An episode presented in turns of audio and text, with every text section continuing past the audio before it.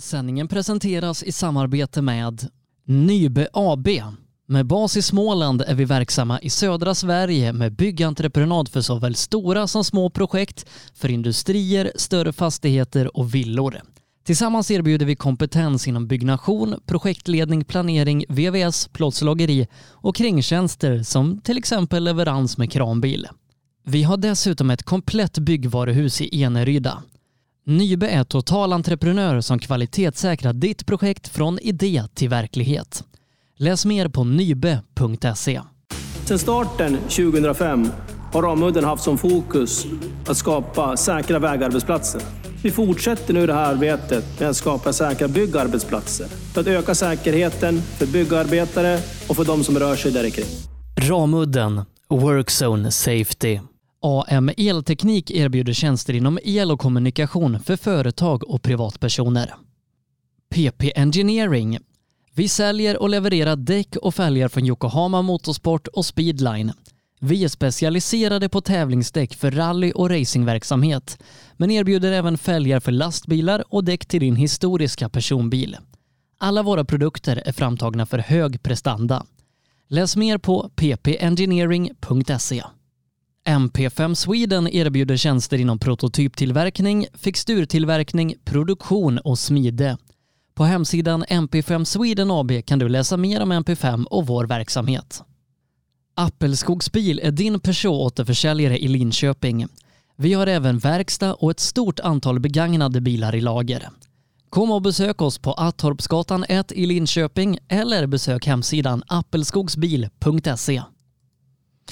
Ja, mina damer och herrar, hjärtligt välkomna ska ni vara hit till våran livepodd på Rally Lives Facebook-sida och på sbfplay.se. Det har blivit måndag igen och det är den sjätte april. Och precis som tidigare veckor så är vi tillbaka med en ny livesänd podd. Och vi gör ju det här en gång i veckan, måndagar klockan 19.00 under coronatider. Detta för att på något sätt fortsätta ta del av och förmedla bilsporten eh, trots det ganska tuffa omvärldsläget som vi befinner oss i. Och stort tack till alla som har tittat och tyckt till och framförallt kommit med glada tillrop och hälsningar på det vi gör. Men det det hade inte varit möjligt utan de fantastiska sponsorer som ställer upp och gör det här möjligt. Nybe AB, Ramudden, AM Elteknik, PP Engineering och Yokohama, MP5 Sweden och Appelskogs Bil. Stort tack för att ni är med och gör det här möjligt. I dagens program så ska vi prata mycket rally. Det har ju blivit eh, en hel del andra sporter, banracing och Formel 1 och sånt i våra tidigare program. Men idag så ska vi prata rally. Vi ska göra det med två stycken oerhört eh, framgångsrika och trevliga personer inom sporten. Vi ska börja med att prata med våran kompis i rallyradion, Björn Nalle Johansson. En riktig rallylegend som har varit med länge och gjort fantastiska resultat och framförallt varit med i mycket olika sammanhang, inte minst då med Opel i olika konstellationer. Och sen ska vi prata med en av våra kanske eh, mest framgångsrika kartläsare på senare tid. Det handlar om Bosse Holmstrand som vi ska ringa upp som eh, har tävlat i VM och Dakar och vunnit SM-guld med en uppsjö olika förare under 2000-talet. Det är vad vi ska göra här under kvällen. Vi ska börja och prata med Björn Nalle Johansson som vi ska ta och ringa upp. Eh, Nalle som brukar lyssna på programmet och, och höra av sig och eh, nu då så ska han äntligen också få vara med.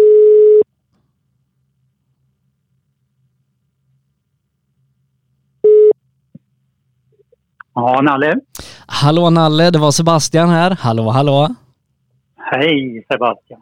Du Nalle, hur mår du idag? Eh, mycket bra. Vad härligt. Eh, vad gör du så här en, en ganska fin eh, måndagkväll i början av april som vi har? Ja, det är lite utav varje. Vi har varit eh, på lite utflykt idag och eh, varit ute och fikat i det fina vädret. Och sen har jag varit en sväng i garaget. Vad, står det något roligt i garaget eller är det tomt där inne eller vad? Det är tomt. Jaha. Eh, men du Nalle, eh, vi ska prata rally här idag. Eh, hur kommer det sig att, att du trillade in på rally? Ja du, det, det kan man alltid undra eh, vad det beror på för att jag har ingenting eh, från föräldrarna i motorsportens eh, tankar och idéer utan eh, det var nog så att jag såg eh, massa fräna bilar och åkte förbi där jag bodde utanför Mjölby. Och jag undrar väl vad det där var för någonting och sen så började de köra lite specialprov på stubbåkrar och grejer som var lite grann runt där jag bodde. Och där började det vill jag påstå. Eh, och liksom, eh, vad, vad, började det med? Eh, för typ av tävlingar och bilar och så vidare? Ja, eh, alltså allt började egentligen med att vi åkte med mopeder och motorcyklar ute i skogen och eh, där eh, gjorde vi nog egentligen specialsträckor som vi åkte mörkt och ljust och så åkte vi med mopeder och motorcyklar och så kollade vi hur lång tid vi behövde på oss runt eh, en sjö som vi hade. Skogssjön ligger mellan Mjölby och Skänninge. Där eh, var det rally med mopeder och motorcyklar. Så så började det. Kommer du ihåg din första riktiga rallytävling? Eh, ja, det kommer jag ihåg mycket väl egentligen. Eh, och eh, mellan mopeder och motorcyklar och upp till bilar och tävling så eh, startade jag bilverkstad när jag var 16 år gammal. Och eh, då kunde jag ju inte provköra bilar utan det fick pappa göra. Och sen eh, listade vi ut vad vi behövde göra med dem när vi skulle laga dem. Och eh, när jag hade lagat så provkörde pappa igen och sen skickade vi iväg dem där ut till kunder. Och så köpte jag en Volvo PV. Och den där köpte jag, jag kan inte ha varit mer än, ja, jag var väl kanske 17 år när jag köpte bilen. För 450 spänn. Mm. Och sen eh, ja, gjorde i ordning bilen och eh, bytte faktiskt stötdämpare fram på den, men inte bak. Vi bytte bara fram. Och sen så var eh, mamma med mig ute och eh, eh, övningskörde och träningskörde lite rally med den där PVn. Och så var första tävlingen eh, en tävling nere i Kisa. Då hade jag haft körkort mindre än en vecka när jag körde första tävlingen. Så det kommer jag ihåg. Det gick inte så bra. Slutade in björk och båda framhjulen åkte en på bilen. De hängde i bromslangarna kommer jag ihåg. Men, men, mamma åkte inte med då eller? Nej, då var det en kompis som åkte med. Mamma eh, hade gjort sitt då så att eh, då lämnade hon över eh, kartläsarsysslan en kompis till mig istället. Så att eh, mamma behövde inte vara med och, och braka in den här stora björken och var iväg. Ja, äh, det var väl tur det. Eh, du Nalle, jag tänker vi, vi ska prata slutet 70-tal och, och 80-talet. Eh, för det var ju då du, du körde Oplar och var ute i världen och, och både det ena och det andra. Eh, liksom i, i slutet där av, av 70-talet, hur såg tävlandet ut då? Eh, då hade vi förbrukat eh, ganska mycket Volvobilar, PV Amazoner och Volvo 140. Och Eh, jag var, kom i kontakt med lite spännande människor från eh, Opel-sidan och eh, det var egentligen en gotlänning som eh, hette Hans Otberg som ägde massa roliga fina Opelbilar som kördes utav eh, Eh, duktiga eh, förare runt om i landet egentligen. Och eh, han eh, kontaktade mig och frågade om jag ville köpa en av de här bilarna. Men eh, jag tordes aldrig eh, köpa någon bil. Det här var en eh, Ascona A, en grupp 2-bil som Håkan Svensson borta i Fägre hade eh, tävlat med. Och eh, jag kommer ihåg att de skulle ha, jag tror att den kostade 40 000 kronor, en färdig Ascona A grupp 2-bil. Men jag hade inte pengarna och inte tordes jag låna eller någonting utan jag eh, missade den möjligheten helt enkelt. Och eh, sen eh, så eh, var det sig inte bättre än att eh, jag kom i kontakt med Opel Team Sweden som det hette på den tiden och eh, där kunde man köpa en eh, fabriksny eh, Kadett GT. Och eh, Opel Team Sweden gjorde i ordning växellåda, bakaxel, motor, stolar, eh, störtbåge och all sån utrustning som behövdes till bilen. Och eh, så åkte man upp till Hammarbyhamnen i Stockholm där tävlingsverkstaden var på den tiden. Och så kom man dit en måndag morgon och eh, så satte man ihop eh, eh, den här bilen och man gjorde det själv. Men allting som skulle på bilen var färdigt i det här läget. Så att på fredagskvällen då åkte man hem med en bil som man eh, inte hade betalt så där jättemycket pengar för igen. Det var helt otroligt bra affär man kunde göra. Och eh, vi var ett ganska stort gäng som eh, tog den här möjligheten att köpa en sån här ny GT. Så att eh, när jag åkte hem på fredagskvällen då körde vi in motor, växellåda, bakaxel på vägen hem från Stockholm och så till Mjölby där jag bodde då. Och så på lördagen då körde man första tävlingen. Då var det eh, Mjölbypokalen i eh, Mjölby som MSK Varningarna arrangerade. Så att det var riktiga förberedelser på den tiden. Kommer du ihåg hur det gick första, första tävlingen i Open? Nej, jag kan inte säga eh, något resultat. Jag kommer inte ihåg det, men jag tyckte det var enormt roligt för det var alltså en riktigt häftig bil på den tiden. Eh. Standard A hette ju reglementet och det var 134 hästkrafter tror jag det var en sån där på den tiden i standard A-skick. Men ni var eh, ganska många då som, som tävlade i, i de här bilarna och, och fightades mot varandra? Jajamän, det var jättemånga som eh, köpte sådana här bilar och eh, med de här Oplarna så tävlade vi mot eh, BMW 2002-bilar, eh, Volkswagen Golf och ja, sådana här bilar då som var ganska jämna. Standard A-reglementet så skulle det vara eh, 10, 10 kilo vagnsvikt per hästkraft. Och sen kunde det ju vara standard B-bilar också. Då var det 15 kilo per 15 hästkrafter per kilo vagnsvikt. Och då var det ju så V4 och sånt som gick i den klassen bland annat. Eh, men du hade köpt den, den här kadetten då eh, och börjat tävla med den. Vad, vad hände sen? Eh, vi tävlade ganska mycket med de här bilarna så det var ju ruggigt bra bilar, inte speciellt mycket trimmade. För att körde du på vägen så kunde du åka enormt mycket tävling.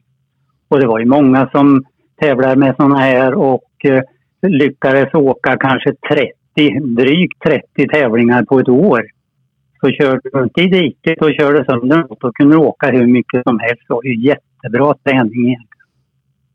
Eh, men hur liksom, hur gick din och, Opels relation eh, vidare sen? Eh, vi hade ju åkt med den här GT'n som jag då köpte själv och, och eh, åkte ganska många tävlingar.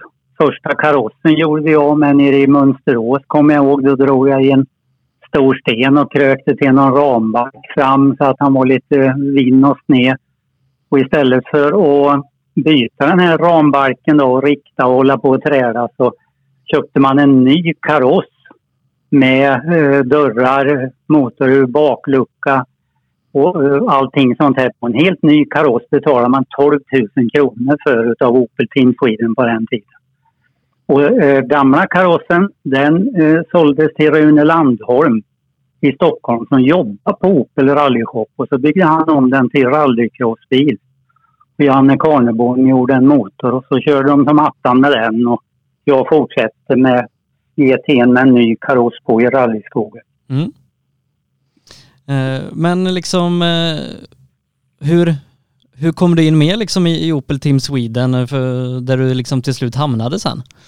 Ja, det var, var ju så då att eh, alla de här SM-tävlingar och distriktstävlingar som vi åkte så var det ju ett jättekrig mellan alla de här som hade köpt Opel-bilar.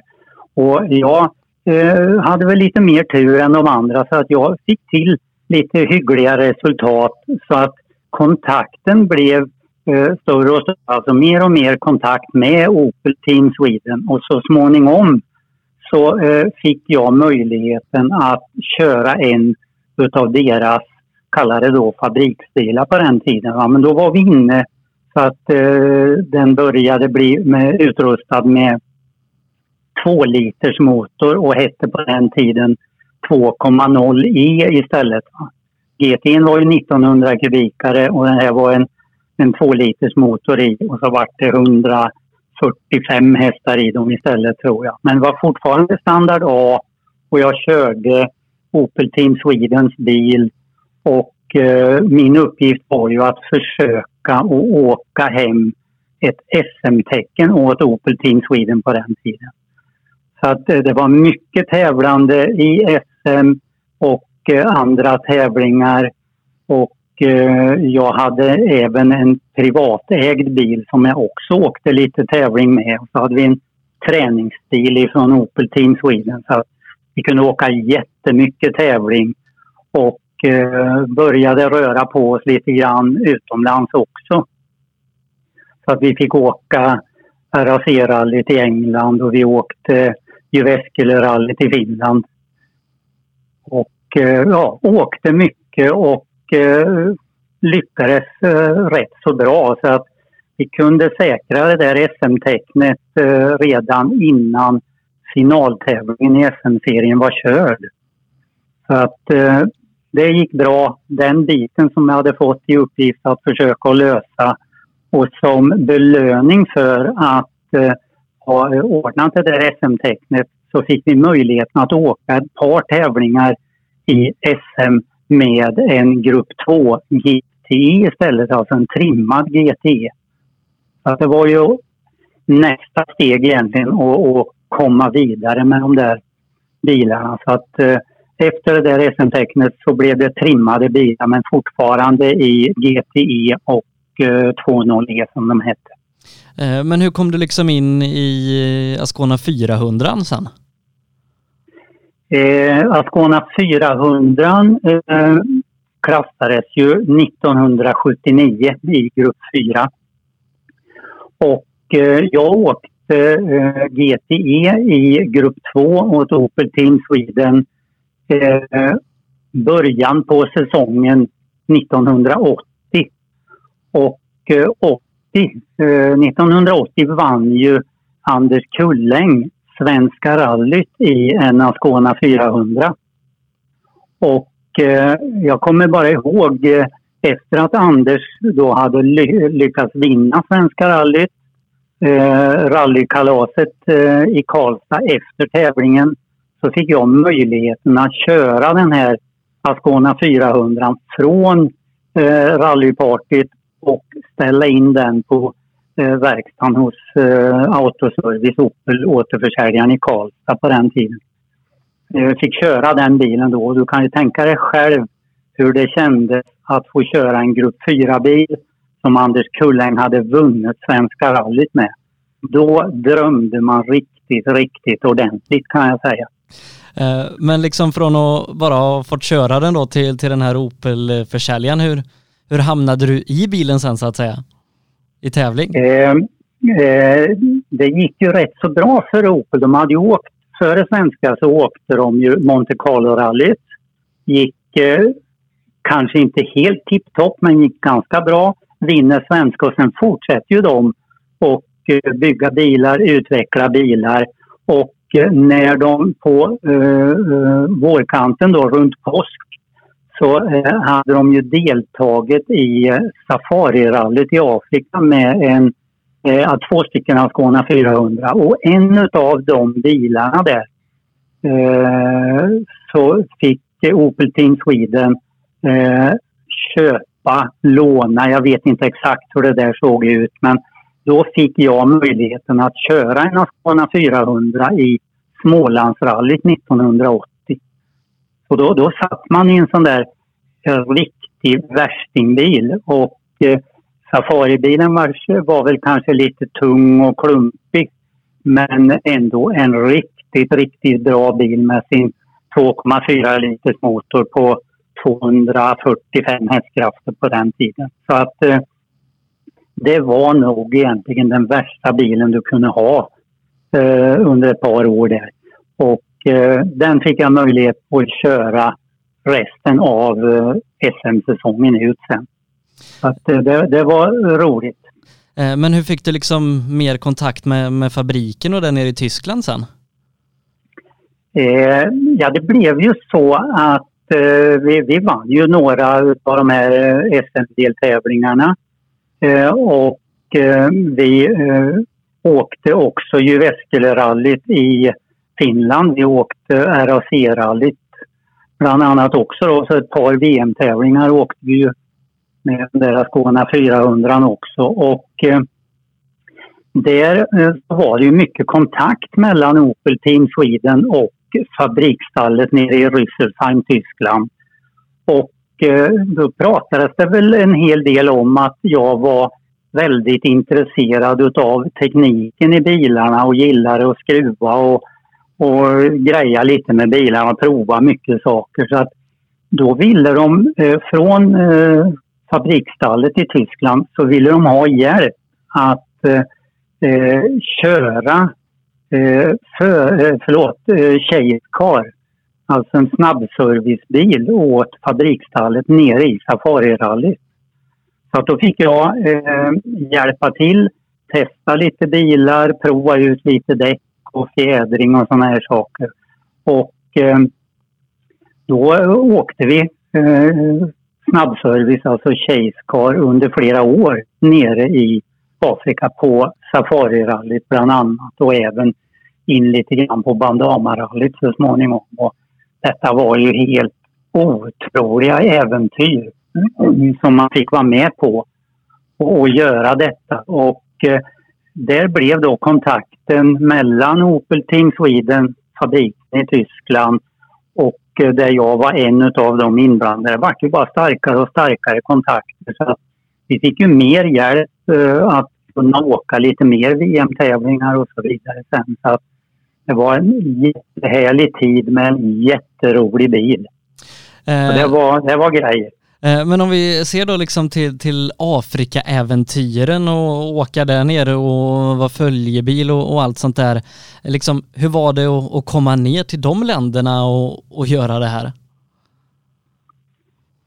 Ja, det är helt otroligt. Jag lyssnade ju på er lite grann eh, när vi pratade med Emil Axelsson i förra veckans sändning och ni pratade lite grann om safarirallyt som han hade varit nere och åkt och varit med om och fått uppleva. Och, alltså det är helt otroligt att se de här länderna och de här tävlingarna. För det är, är ju, var ju, ska vi säga, det, det, är långa tävlingar idag men det var ännu längre förr i tiden då. Alltså det var ju 500 mil och en del av tävlingarna var ju längre än det.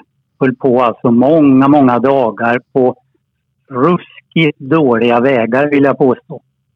Det var ju eh, rejält utprovade bilar. Kanske inte så mycket effekt som det är på sprintrallybilar då va? men grundstommen är ju helt och hållet densamma egentligen.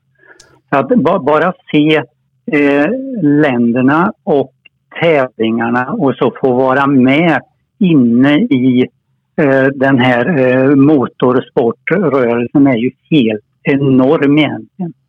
Och tittar man på det här med safarirallyt så var det ju så på den tiden att med eh, de här Chase så kunde du ju åka. Du behövde inte vara anmäld i tävlingen, ingenting. Utan du hade en likadan eh, rallybil som de tävlande hade.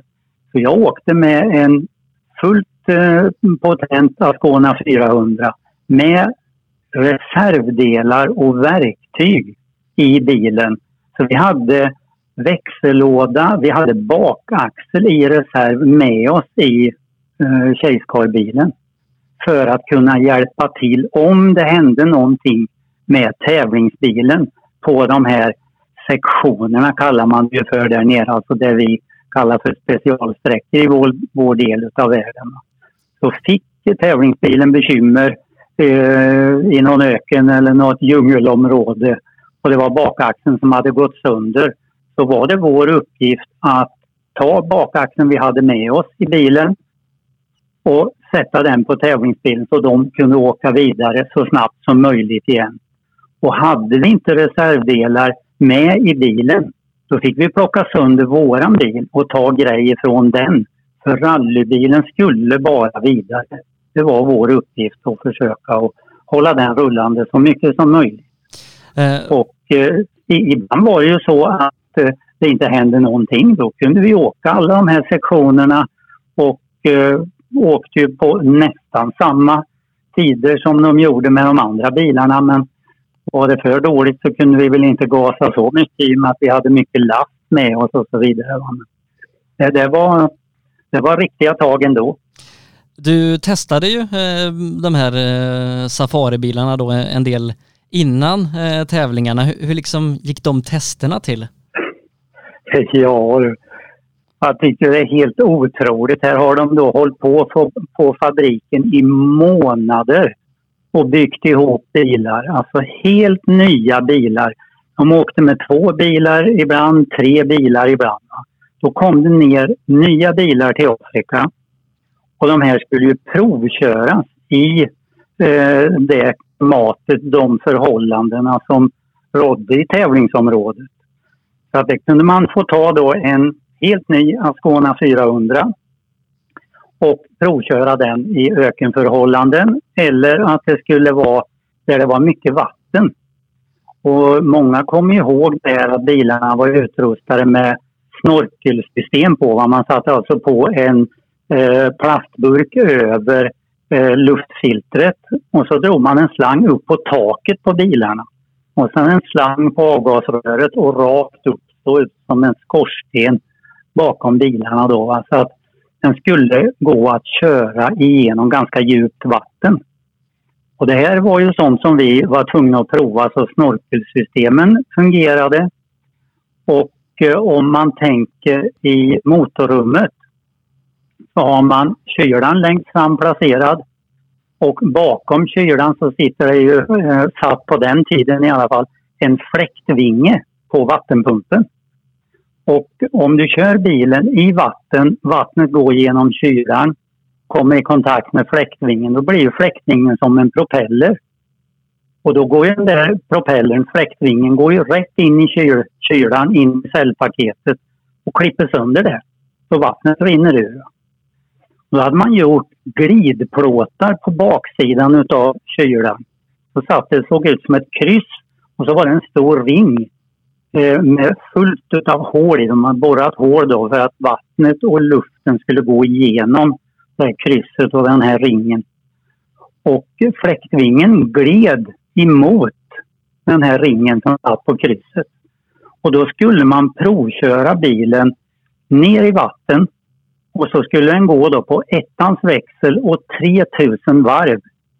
Och så öppnade man dörrarna på, på bilarna och släppte in flodvattnet. Så det rann igenom bilen. Så där satt man alltså med höga armbågar, vatten upp till, eh, till bröstkorgen. Och sen flöt det då pinnar och, och grejer igenom bilen. Va? För hade vi kört med stängda dörrar då hade ju bilen flutit iväg som en liten båt bortöver. Så för att få den att gå dit man ville då, att man kunde styra bilen, så släppte man vattnet igenom bilen och ner i skiten där och sen upp på andra sidan floden. Och då när man kommer upp, då den där bilen som var ny när du körde ner i vattnet, han var ju definitivt inte ny längre. För det var ju skitigt vatten, riktigt skitigt lerigt vatten som rann igenom bilen. Man kan tänka när man körde upp på andra sidan så tittar man på eh, den där stora fina varvräknaren som kanske var 120 millimeter stor som satt mitt framför föraren. Sen var det vatten i när man kom upp på andra sidan. Men faktum var att grejerna funkade otroligt bra. Så där kunde vi sitta i någon dag och provköra en, en helt ny bil och se om allt funkade. Och många har ju funderat också i de där sammanhangen hur man kunde få det här att fungera med eh, tändkablar, fördelarlock och tändsystem och sådana här saker. Tändsystemet satt i hatthyllan inne i bilen så högt upp där vattnet då inte skulle gå egentligen. Och fördelaren var täta. Det var en vanlig eh, gummihandske, en sån här diskhandske. Man klippte hål i, i de här eh, tummen och alla fingrarna. Alltså då man tändkablarna igenom och så tätar man med silikon och buntband och grejer omkring så det inte skulle komma in något vatten där. Tätare tändhattar, visst tändstift och så vidare. Så det gick att köra med dem i vatten. Du Nalle, berätta om 1982. Nu är du på Safarirallyt och Walter Röhl tycker jag det låter som. Ja, jajamän. eh, eh, skillnaden Eh, om man då jämför Safarirallyt och Bandamarallyt eh, som det här var frågan om. Det var att Bandamarallyt var längre rally än Safarirallyt. Bandamarallyt fick man eh, inte åka hur som helst med de här föråkarbilarna utan de skulle vara anmälda i tävlingen. Och eh, vår uppgift den här tävlingen det var att hjälpa Walter Röhl. För de hade möjlighet då att Opel hade en möjlighet att bli eh, världsmästare för märke och Walter hade möjlighet att bli eh, världsmästare som förare. Och hela den här säsongen 82 det började med att Walter hade ett, eh, ett kontrakt, ett avtal att han skulle börja med Monte Carlo-rallyt. Han skulle åka svenska rallyt och så mycket tävlingar. Eh, men han skulle inte åka bandamarallyt och RAC-rallyt. Det var utanför hans kontrakt.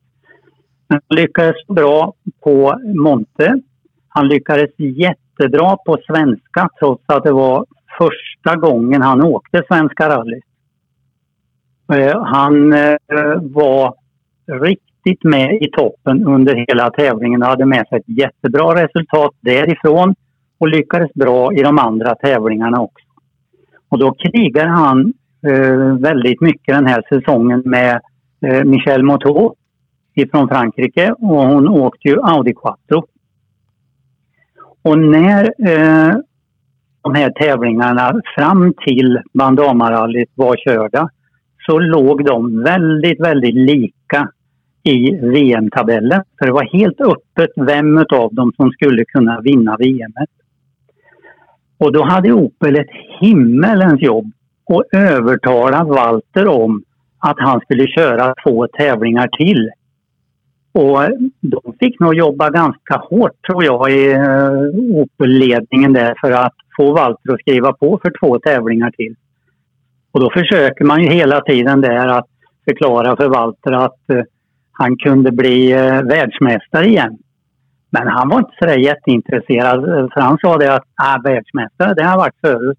Så att de lyckades inte först. Men efter mycket diskuterande fram och tillbaka så fick de Walter att gå med på att köra Bandamarallyt och även RAC-rallyt i England. Men han sa så här att om jag ska åka Bandamarallyt så eh, eh, har jag inte möjligheten att köra någon träning. Inga tester, ingenting. Utan det fick Opel lösa på annat sätt.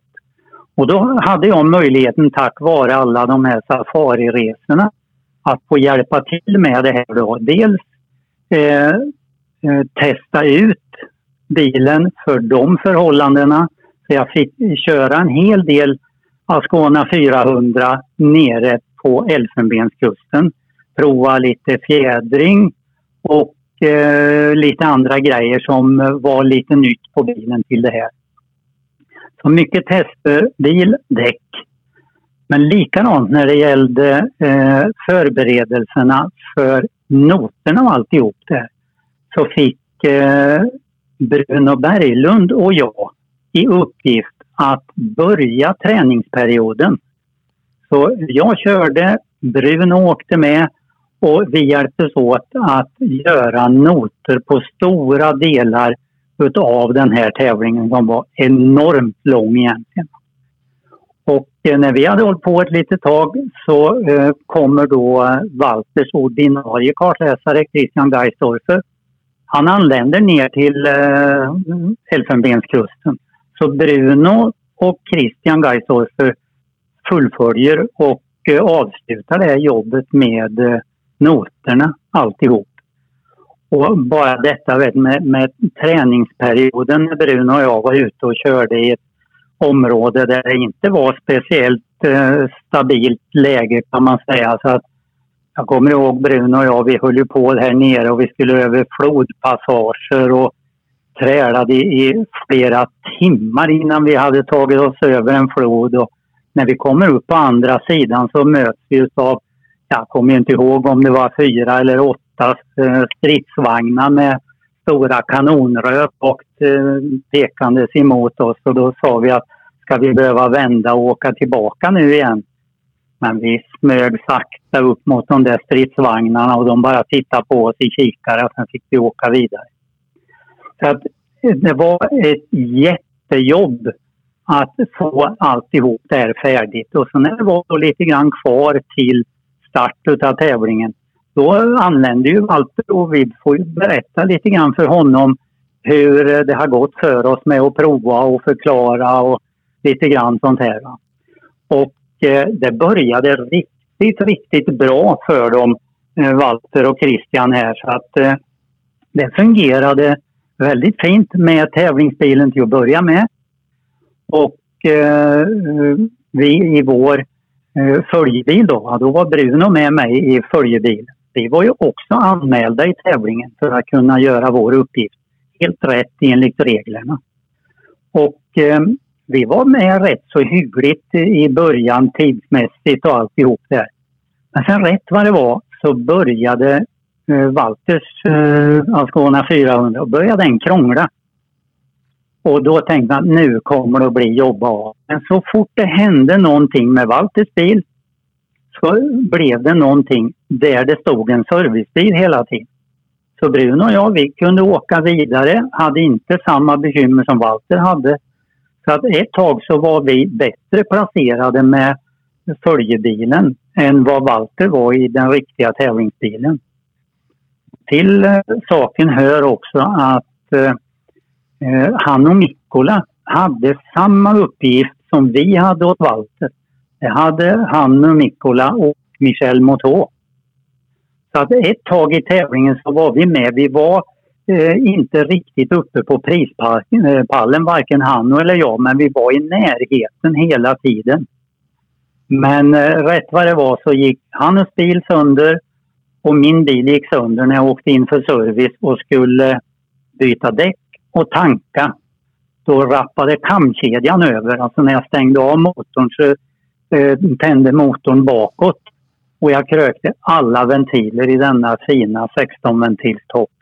Så där fick vi ge oss med vårt uppdrag ett litet tag. Så vi boxerade föråkarbilen då, eller eh, inte föråkarbilen utan snabbservice Chase-car-bilen. Eh, boxerade vi i 90 mil, bytte motor och sen kunde vi återvända till tävlingen och eh, fullfölja uppgiften som eh, eh följebil. Och det var ett riktigt riktigt, riktigt äventyr på slutet. För både Walter och Michel hade eh, åkt i väldigt, väldigt blöta sektioner så de hade bekymmer med vatten i eh, styrsystem till massa grejer och bilarna startade inte från ett eh, serviceuppehåll.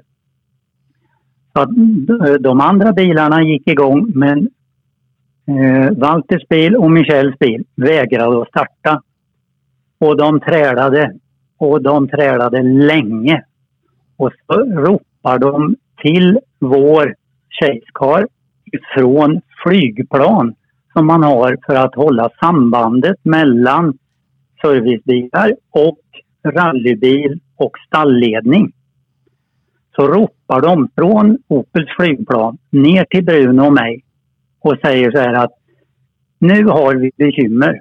Ska vi klara detta så Walter har möjligheten att bli världsmästare så måste ni med eh, följebilen åka och göra noter på eh, eh, själva transportsträckan från servicen ut till nästa eh, sträcka eller sektion då som skulle åkas.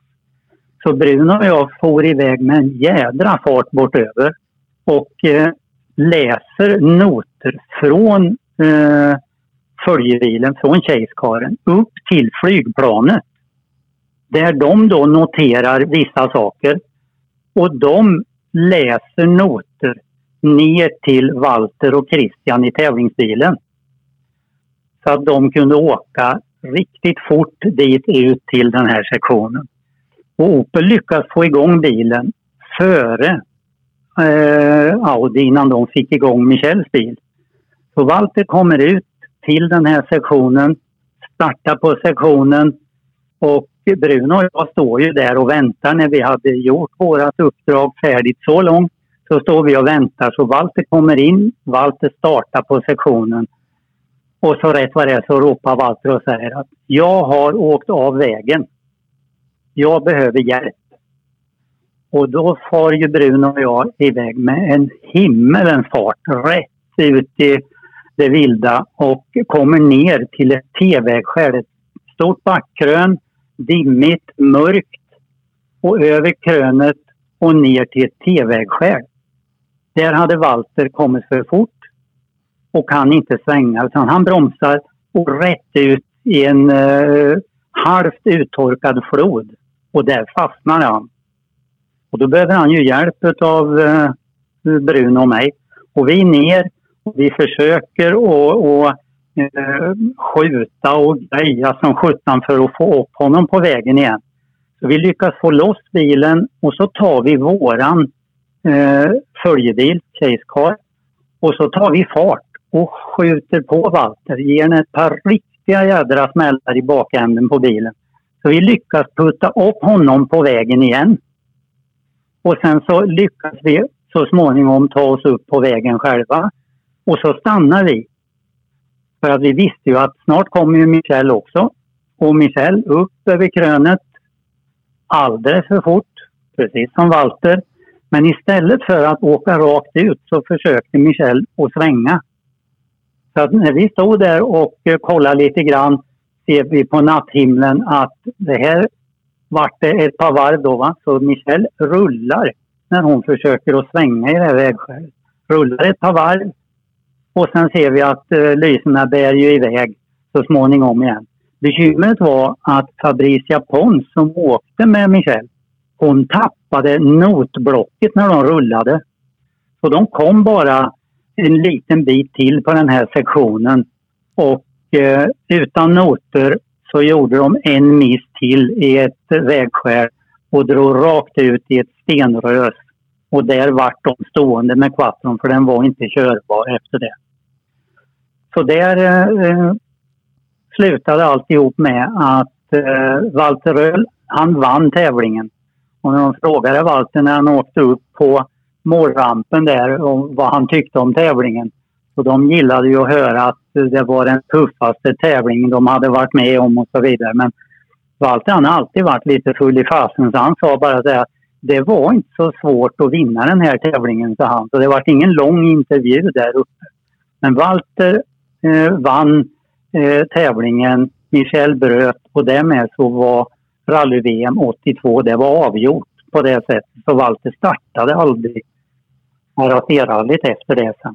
Så att eh, där fick vi hjälpa till och eh, ge tillbaka all den support och den eh, hjälp vi hade fått för massa tävlingar eh, tillbaka i tiden. Så fick vi möjligheten att hjälpa tillbaka så Opel fick det här eftertraktade VM-tecknet igen.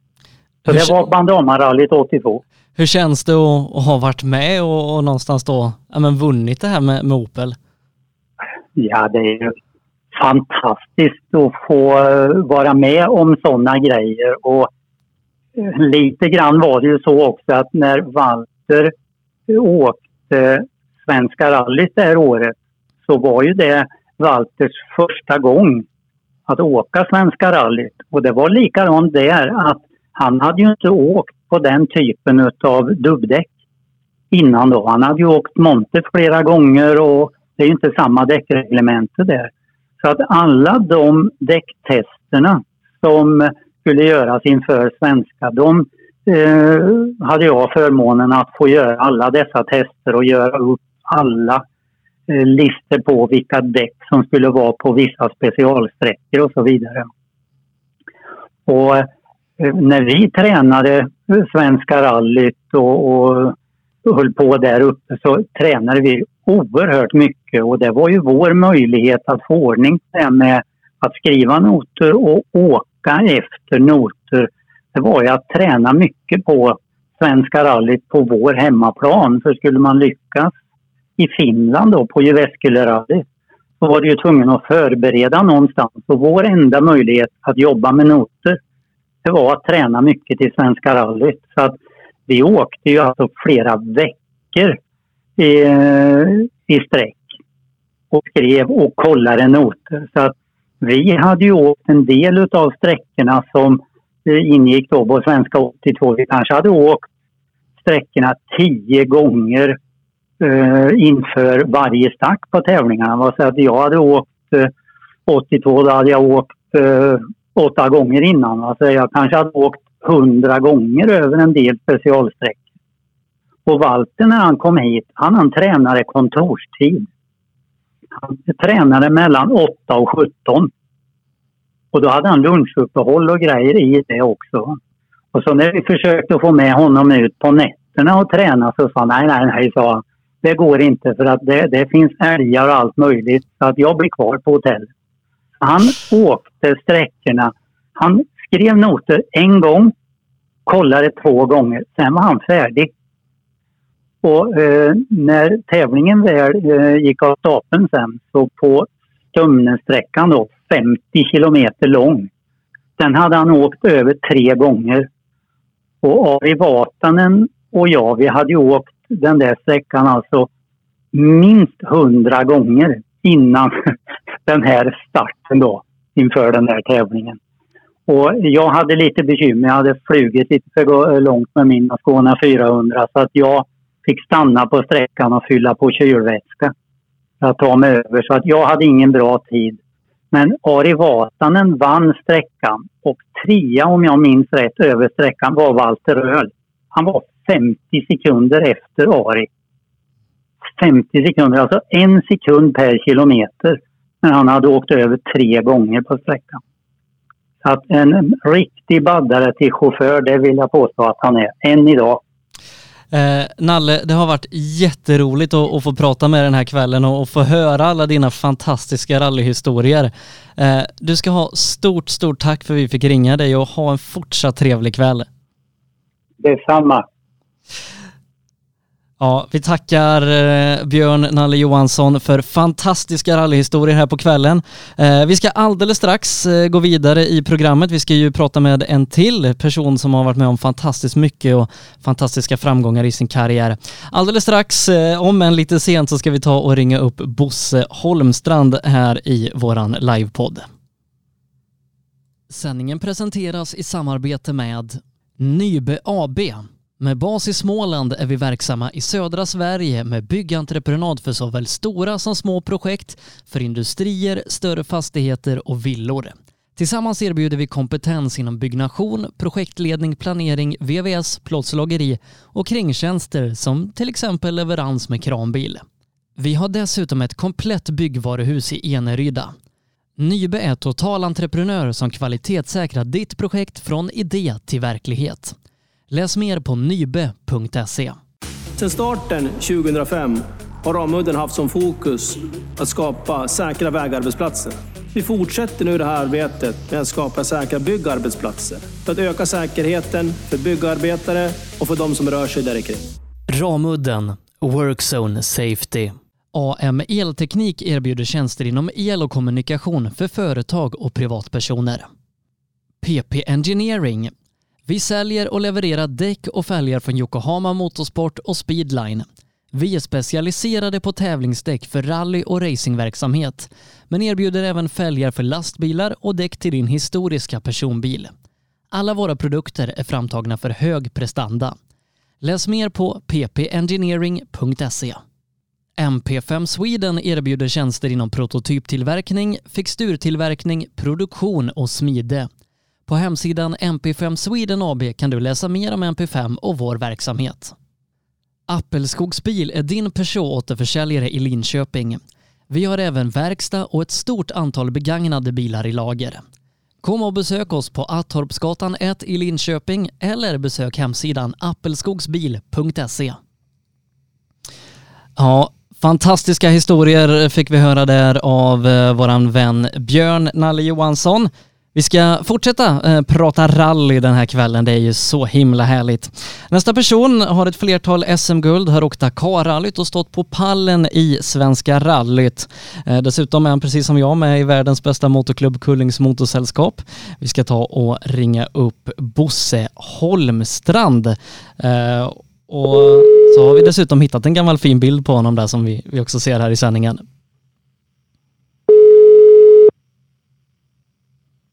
Bosse. Hallå Bosse, det är Sebastian här. Hallå! Hejsan hejsan! Du, eh, Nalle han pratar på så mycket så jag blev lite sen. Hoppas det inte gör något. Det gör absolut ingenting. Absolut inte något. Eh, Du Bosse, Ja. hur är läget med dig? Jo, men det är fint det. Vad härligt. Ska inte klaga. Ja, måndagskvällen. Nej, men det är bra vet du. Eh, Du, vi som följer rally mycket och har ju kanske inte sett det jättemycket ute i rallyskogen eh, senaste året här. Vad, vad har du hittat på? Nej. Nej, jag har inte hittat på så mycket egentligen. Det är hela... Jag kände väl mig kanske lite bättre rally ett tag där. Eh, ja, där har vi inte sagt att jag har lagt av, vill jag nog in, absolut inte påstå. Men jag har inte åkt en tävling sedan hösten 18, SM-finalen där då, 2018.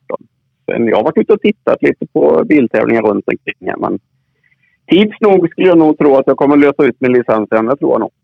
Eh, Du, om man, om man tittar på, på sändningen nu på Facebook och på SPF Play och så vidare så ser man en, en ganska gammal bild på dig och Tobias Johansson eh, där det står någonting om Dakar 2005. Eh, berätta lite om, om det där äventyret till att börja med. Ja, det var ju som så. Det var, fast, eh, det var faktiskt en tävling i grund och botten det här. Det var tio olika team från olika delar av Europa. Eh, det var bensinbolaget, eh, ett bensinbolag i Spanien. Så var det Eurosport och så var det Euromilhös, heter det, ett klädbolag i, i Spanien. De gjorde en dokusåpa.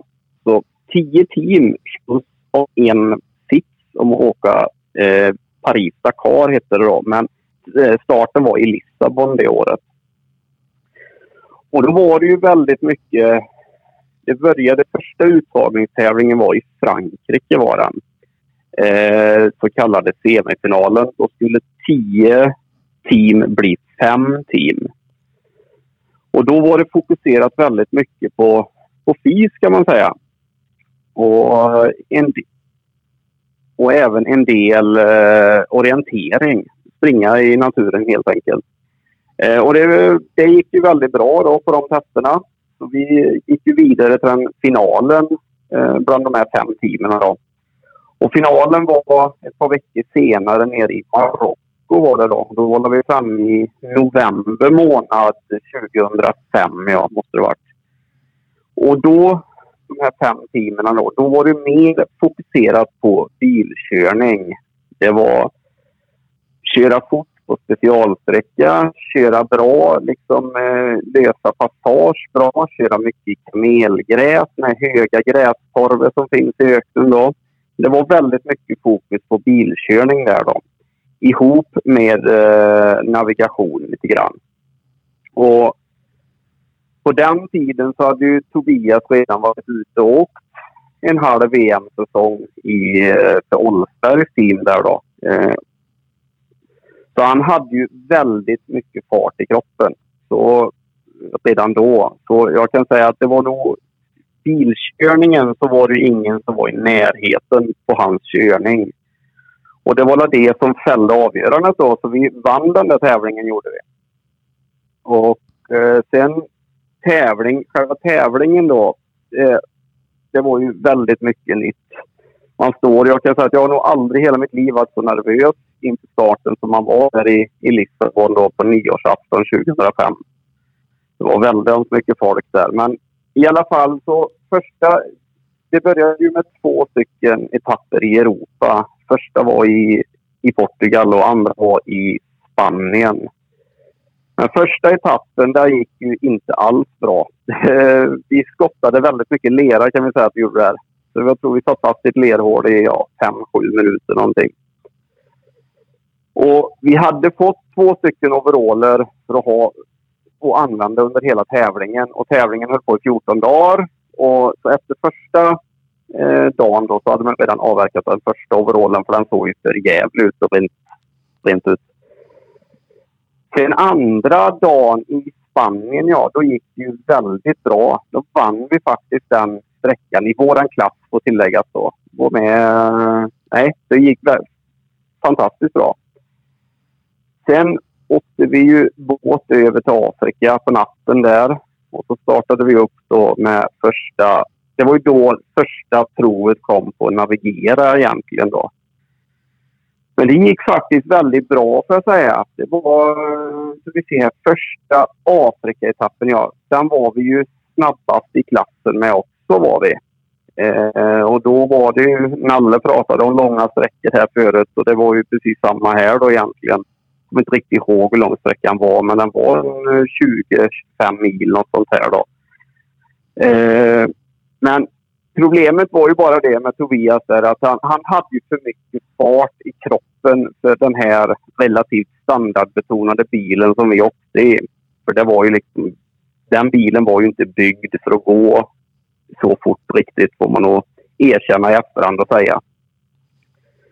Så det var la, vi, vi, kom ju, vi var ju med i vi se, fem etapper var vi med. Sen var, hade vi, vi hade förbrukat så mycket stötdämpare i bak på den där bilen. Plus att vi själva hade gjort en kraftigt misstag i, ute i sanddyner på ett ställe. Så vi hade kommit ganska mycket för fort över en sanddyna. Alltså liksom, vi landade ju... Vi flög över sanddynan och landade ut. Vi slog upp båda rambenen fram på bilen då.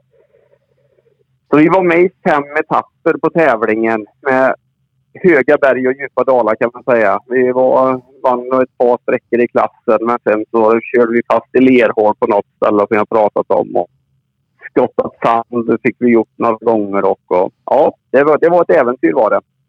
Eh, hur var det för dig liksom som, som kartläsare? Vi har ju pratat med Tina Turner tidigare veckor om, om skillnaden mellan vanligt rally och ökenrally. Hur, hur var det för dig? Ja, jag kan inte för jag troligtvis inte kommer göra det igen, va? men ska man göra det igen så ska man ju ha en... Man tycker inte det att det är jobbigt att sitta och åka bil så, men ska man göra det igen då ska man ha en fruktansvärd grundkondition alltså. Du måste få upp ett jävla flås. För det är fan jobbigt att sitta och åka så, så långt och hålla uppe koncentrationen och fokus hela tiden. Det blir väldigt slitsamt. Och inte nog med det, för du, du får ju ingen... På nätterna du, det finns ju inga... Du sover inte direkt på hotell och vandrar hem och sådana här saker utan du ligger ju i tält på serviceplatsen. Och bilarna ställs inte in i Park Fermé på nätterna utan det, det får mekas nätterna igenom. Så första natten kommer jag ihåg det. det. Det var ju svårt att sova tyckte man ju för det var motorcyklar som varvade och bilar som mekades med. Det blev ingen ordning på själva sömnen kändes det som. Men sen dag, andra natten sen, då sov man av ren trötthet kan jag säga. Då tänkte du inte på det längre. Eh, du, vi ska prata Svenska rallyt också, eh, som bara var någon månad då, knappt typ en och en halv efter ni hade varit i, i Dakar där. Eh, ja. Och om jag kan mitt Svenska rally rätt så är det senaste helsvenska ekipaget som har stått på den totala pallen. Du och Daniel Karlsson med tredjeplatsen där i Mitsubishi. Ja, det stämmer det. Och det är helt sant det är det. Jonas har ju tagit liksom lite fallplatser där eh, som svensk kartläsare då har han gjort. Men inte helt svenskt ekipage. Det är nog det sista, det tror jag också. Eh, berätta lite, ju... hur, hur kommer det sig att det, att det blev och ja, att det blev så bra sen till slut också då? Ja, det var ju egentligen ingen betänketid alls där. Det var ju som jag pratade på lite här förut inför starten i Lissabon när vi stod och skulle starta i Paris-Dakar där. Det var ju bara några dagar innan vi var på plats i Lissabon. Då ringde Daniel mig när vi var på plats där. Och då och han hade ju en fråga om jag kunde tänka mig åka med han i Svenska rallyt. Då pratade vi inte om en eh, VRC-bil utan då, han var ju anmäld i en Fiat Punto, en Super 1600-bil Och nej, men det kände jag väl. Jag hade inget planerat inför Svenska rallyt i året för anmälan hade väl stängt om inte jag helt del ute där nu. Jag tror det var så att anmälan hade stängt och Tobias ville inte åka heller så då hoppade jag på det helt enkelt. Och sen eh, kom vi hem från Afrika där då. Och eftersom det var så pratade vi inte om en, en, eh, en Super 1600-bil längre utan det, då var det VRC-bil helt plötsligt. Och ja, det var ju en fantastisk känsla kan man ju säga. Eh, jag hade väl åkt lite VRC-bilar innan. Eh, både med Tobias, ja, både så jag, hade var med Tobias Johansson i, i Corollan där Jag Jag åkte i Englands VM-tävling ett par år innan och sen åkte jag för eh, Svenska rallyt åkte med Tobias där innan. Eh, så jag hade ju åkt lite i de där bilarna, det hade jag absolut gjort. Men Daniel är ju jag skulle säga är en gudabenådad eh, chaufför, absolut. Så nej, resultatet blev ju helt överens. Vi hade ju en jättefight med eh, Gigi Galli hela tävlingen egentligen. Det var ju, jag tror det som mest skilde det nog max 10 sekunder hela tävlingen. Och det var... Ibland tog åkte helt lika på sträckorna och ibland tog han oss lite grann och ibland tog vi han lite grann. det var, nej, det var en häftig känsla faktiskt, det får jag säga. Eh, när du liksom, nu, nu är inte karriären över, men, men när du blickar tillbaka på det du uträttat, en total tredjeplats i, i Svenska rallyt måste ändå vara, vara ett av dina stoltare ögonblick? Ja, men det är det helt klart. Det är inget snack om det. det rent rallymässigt sett så är det inget som väger upp till det. det är ju, visst, jag har lite SM-guld och sånt här, men det är ju inte ens i närheten på det här liksom. För det var, jag, just när det hände, då tror jag nog inte att man fattar fatta hur stort det var egentligen. För det var ingen som trodde det innan egentligen. Eh, så det är, det är helt fantastiskt resultat det är det.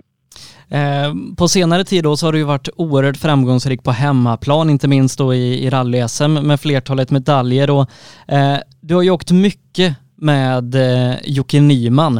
Eh, hur liksom, hur lärde ni känna varandra? Hur började ni åka eh, ihop?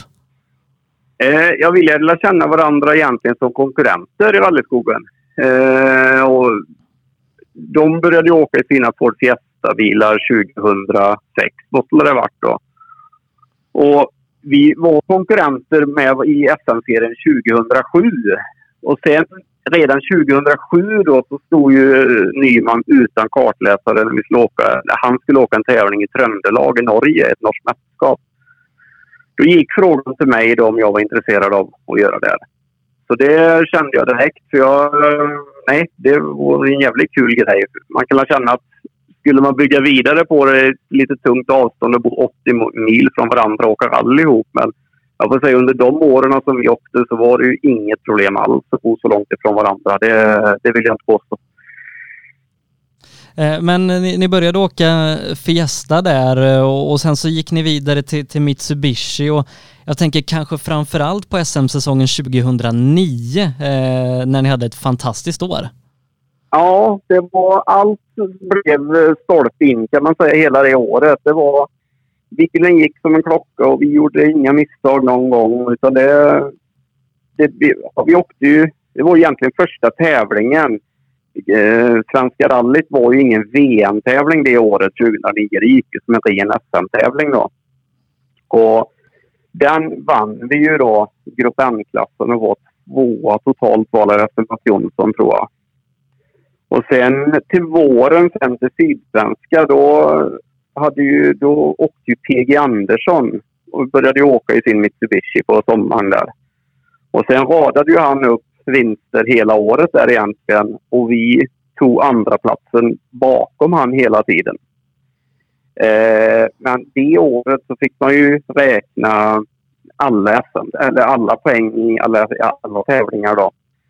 Så han kom ju inte riktigt ikapp oss till slutet. Vi svävade ju på på våran vinst från, från första tävlingen i Svenska rallyt då. Så det blev ett SM-guld första för min del och även för Jockes del 2009. Det stämmer.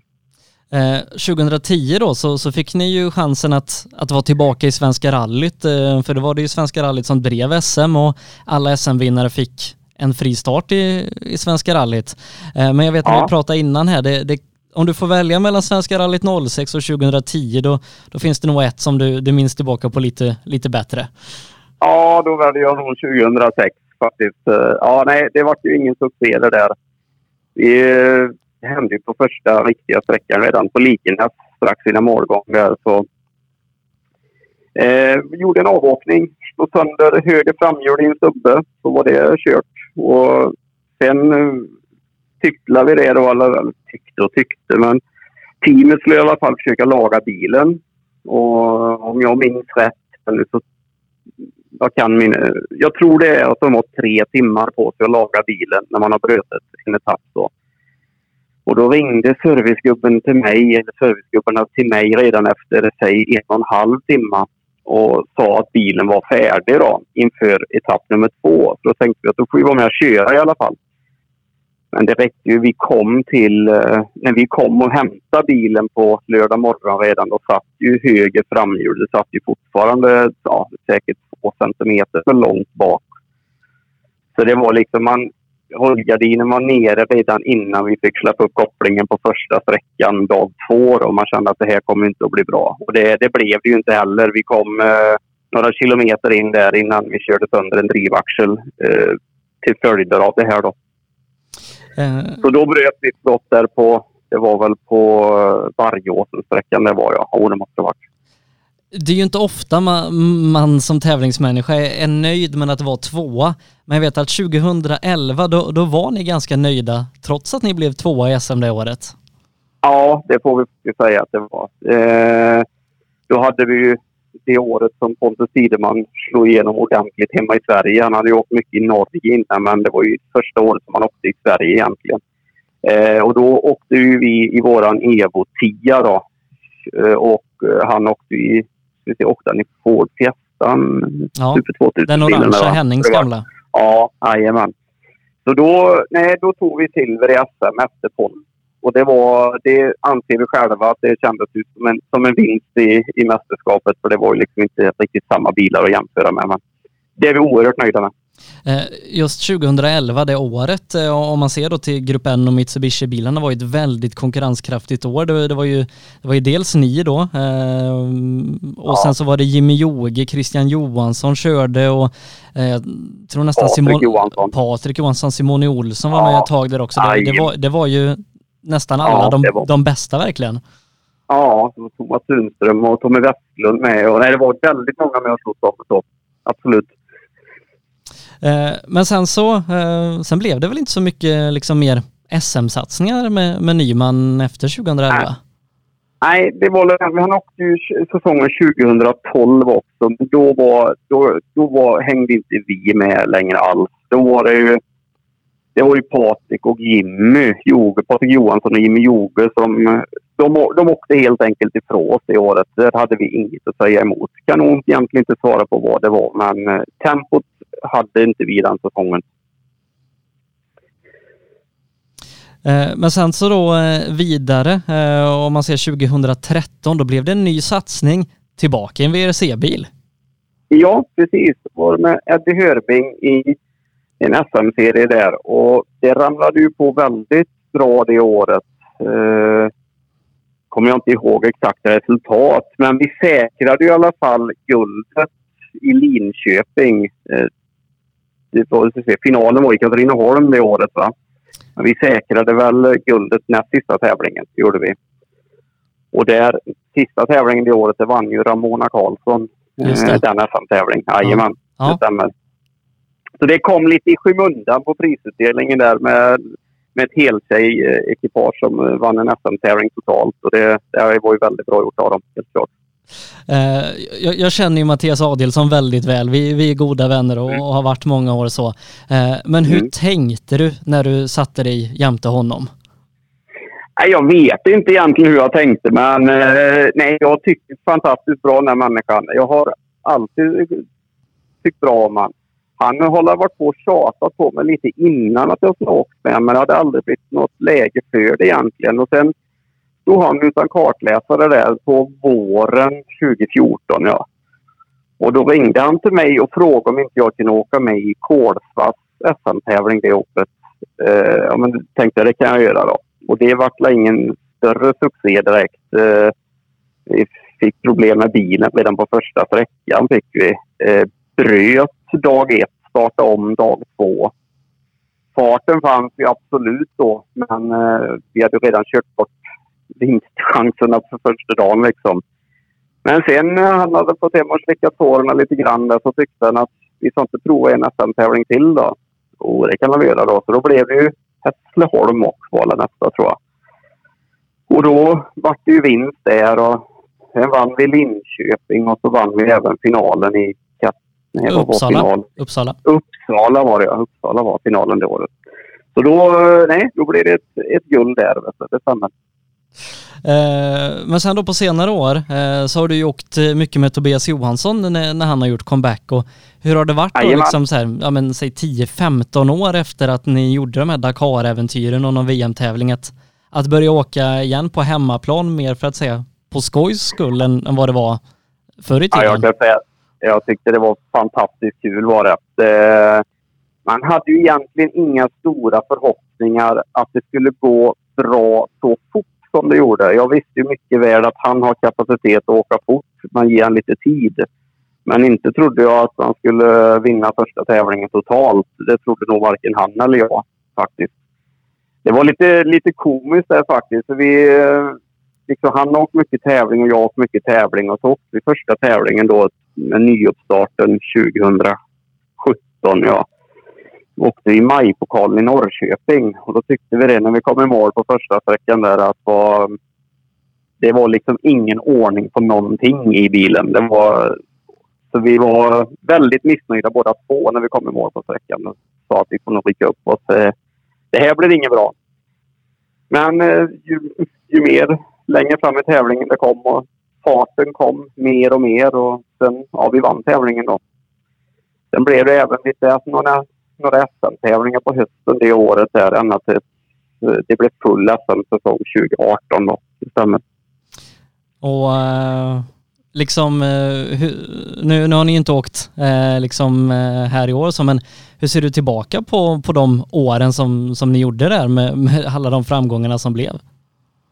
Ja, vi och Tobias ju åkt väldigt mycket tävling ihop, helt klart. Och det har ju varit fantastiskt roligt, för att säga. Jag skulle inte vilja backa tiden där. Alltså. Det var, jag, jag kan bara säga hot om det. det. Det kanske kommer igen, vad vet jag. Det får tiden utvisa. Ja, eh, men du, ja. Eh, vi måste prata om ett hopp där också i Katrineholm, Slottsprinten. Eh, ja. Det, ni, ni, har ju någonstans liksom skrivit in er i något slags hopprekord där. Uh, ja. vad, vad, kan det ha varit 2000, var det 2018? Det var 2018, ja. Jajamän, det stämmer. Uh, liksom Slottsprinten i Katrineholm, sista sträckan där publikhoppet precis uh, på, mm. på Eriksbergs egendom där innan man ska vika höger och gå i mål. Uh, vad, vad var liksom noten där? Uh, det kommer jag inte riktigt ihåg vad noten men, var. Men det, det kan men... inte varit håll fullt? Det kan det inte vara. Nej, Nej det var ju varnat. Det var det ju. Det är eh, helt klart. Men grejen var den att vi står i startgroparna på sträckan och pratar om... Eh, för det var ju både med i förorden och så var ju hoppet varnat. Eh, men ändå tyckte vi det... Vi hade ju, jag ska säga, en bra fight. Martin Berglund hade ju kört ifrån oss. Men det var inte en stor marginal. Ledde han med fyra sekunder eller något sånt där. Ja, något sånt. Fem kanske. Ja, något sånt var det. Och vi sa att eh, fasen, det, slår han av på tempot så ska vi vara där liksom. Eh, börjar man backa lite. Och liksom vi hade ångan uppe där och men vi förstod ganska omedelbart att när vi väl kom upp på krönet att det här blir inget bra. Och den, den landningen vi gör där, eh, jag vet inte, på bilder och filmer jag har sett så eh, man ser inte det så noga, men vi är väldigt nära att pricka telefonstolpen som står på, på yttern där. Men ja, i landningen när bakvagnen står i vägen, då går ju, bryter jag en kota i ryggen där då. Och samtidigt som Tobias tappar luften. Så vi, jag ville ju ja, öppna dörren och gå ur bilen direkt fast det gick i 150 kilometer där liksom. För det, den smärtan som kom där, den den går inte att beskriva. Eh, jag, jag var ju ur bilen direkt efter målgång. Jag var inte ens med in till TK-bilen. Jag hade ju redan tagit mig ur bilen då. Eh, ja, vi, vi vann ju sträckan i alla fall. Det var Ja. något positivt med det. Men vi tog inte in allting. Det, det gjorde vi inte. Eh, är du okej i ryggen idag? Jag känner ingenting idag. Det gör jag inte. Så det, det är bra. Absolut. Ja, jajamän. Du, eh, Ja. vi ska prata lite punktering också. När vi var inne på Jocke Nyman och få gästa och sånt där innan. Eh, Ja. du, du berättade innan för mig att du fick övermänskliga krafter där en gång. Ja, det stämmer det. Vi var och körde Sydsvenska rallyt eh, 2008 måste det ha varit då. Och körde en punktering ganska tidigt på eh, tävlingen där. Början på fredagen redan. Och skulle, vi sprang med hjälmarna på, både jag och Jocke där då. Och då, eh, liksom uppstressad som man var efter målgång, skulle byta den där punkteringen lite fort tyckte vi då. Upp med den på domkraften gjorde ju det här klassiska misstaget att inte lägga någon sten framför eller och bakom ett bakhjul. Så dom, ja, domkraften välte ju och bilen blev stående på bromsskivan vänster fram. Och där hade vi ju inget alternativ. Det, liksom, det fanns ju inte. Vi hade ju inte ens fått under något däck under bilen. Men liksom, eh, ja, jag tog i allt vad jag kunde, lyfte i framskärmen där och lyckades lyfta bilen i fram samtidigt som Nyman fick dit domkraften igen då. Jag vet inte. Det, man gör nog aldrig mer om en sån sak. Du, du har inte tänkt att börja med styrkelyft eller något sånt där efter det? Nej, jag har faktiskt inte tänkt på det. Nej, det tror jag inte. Det är ingen karriär för mig. Eh, Jag, jag vet inte Bosse om du kommer ihåg, men du har ju utbildat mig i, i att läsa noter för ett gäng år sedan. Jo, det kommer jag ihåg. Ja. Eh, Mm. och, och du har ju hållit sådana kurser och utbildningar mycket med, med Kullings Motorsällskap då. Eh, Mm. Men hur många av dem som du utbildat i att läsa noter har fått SM-medalj sen? Nu ställer du faktiskt en bra fråga. Det kan jag säga att jag har ingen aning om. Eh, För, för, jag, för jag hade en liten tanke om jag kanske var den enda. Ja, du har ju, du har ju det. det. Det stämmer ju, men ja, det kanske är den enda. Ja. Bra fråga. Jag kan inte svara på den. Nej, men vi säger att jag är den enda då. Ja, det säger vi då. Ja, och, så, och så väger du den prestationen gentemot eh, att ha blivit trea i Svenska rallyt. Ja, Att, att liksom utbildat mig till att bli en SM-medaljör som kartläsare jämfört med att bli trea i Svenska rallyt. ja. Det är en fin jämförelse. Ja, men jag, jag, du behöver inte svara. Jag tänker att det är ungefär, li, li, alltså när du summerar karriären sen, att det är ungefär lika bra. Ja, men det ska jag tänka på. Jag, jag var mest stolt att jag utbildat en som har en SM-medalj. Det ska jag. Ja, ja, ja det tycker jag låter bra. Eh, Ja. Du Bosse, du ska ha jättestort tack för att vi fick prata med dig här på, på måndagskvällen. Eh, och så hoppas vi att vi, vi syns i en rallyskog snart igen. Det är inte alls omöjligt. det. Får du ha det så bra också. Hörs vi av. Ja, det gör vi. Tack så mycket Bosse. Ja. Tack så mycket. Hej då. Ja, som sagt, eh, där pratade vi med eh, Bosse Holmstrand som har varit med om oerhört mycket genom sin karriär i Dakar-rally och eh, som sagt tillsammans med Daniel Karlsson då, senaste helsvenska ekipage att stå på prispallen i Svenska rallyt. Och så har han utbildat mig i att läsa noter och jag har ju som sagt lyckats ta en, en SM-medalj som kartläsare så att det ska han ha, en liten fjäder i hatten, eh, Bosse Holmstrand.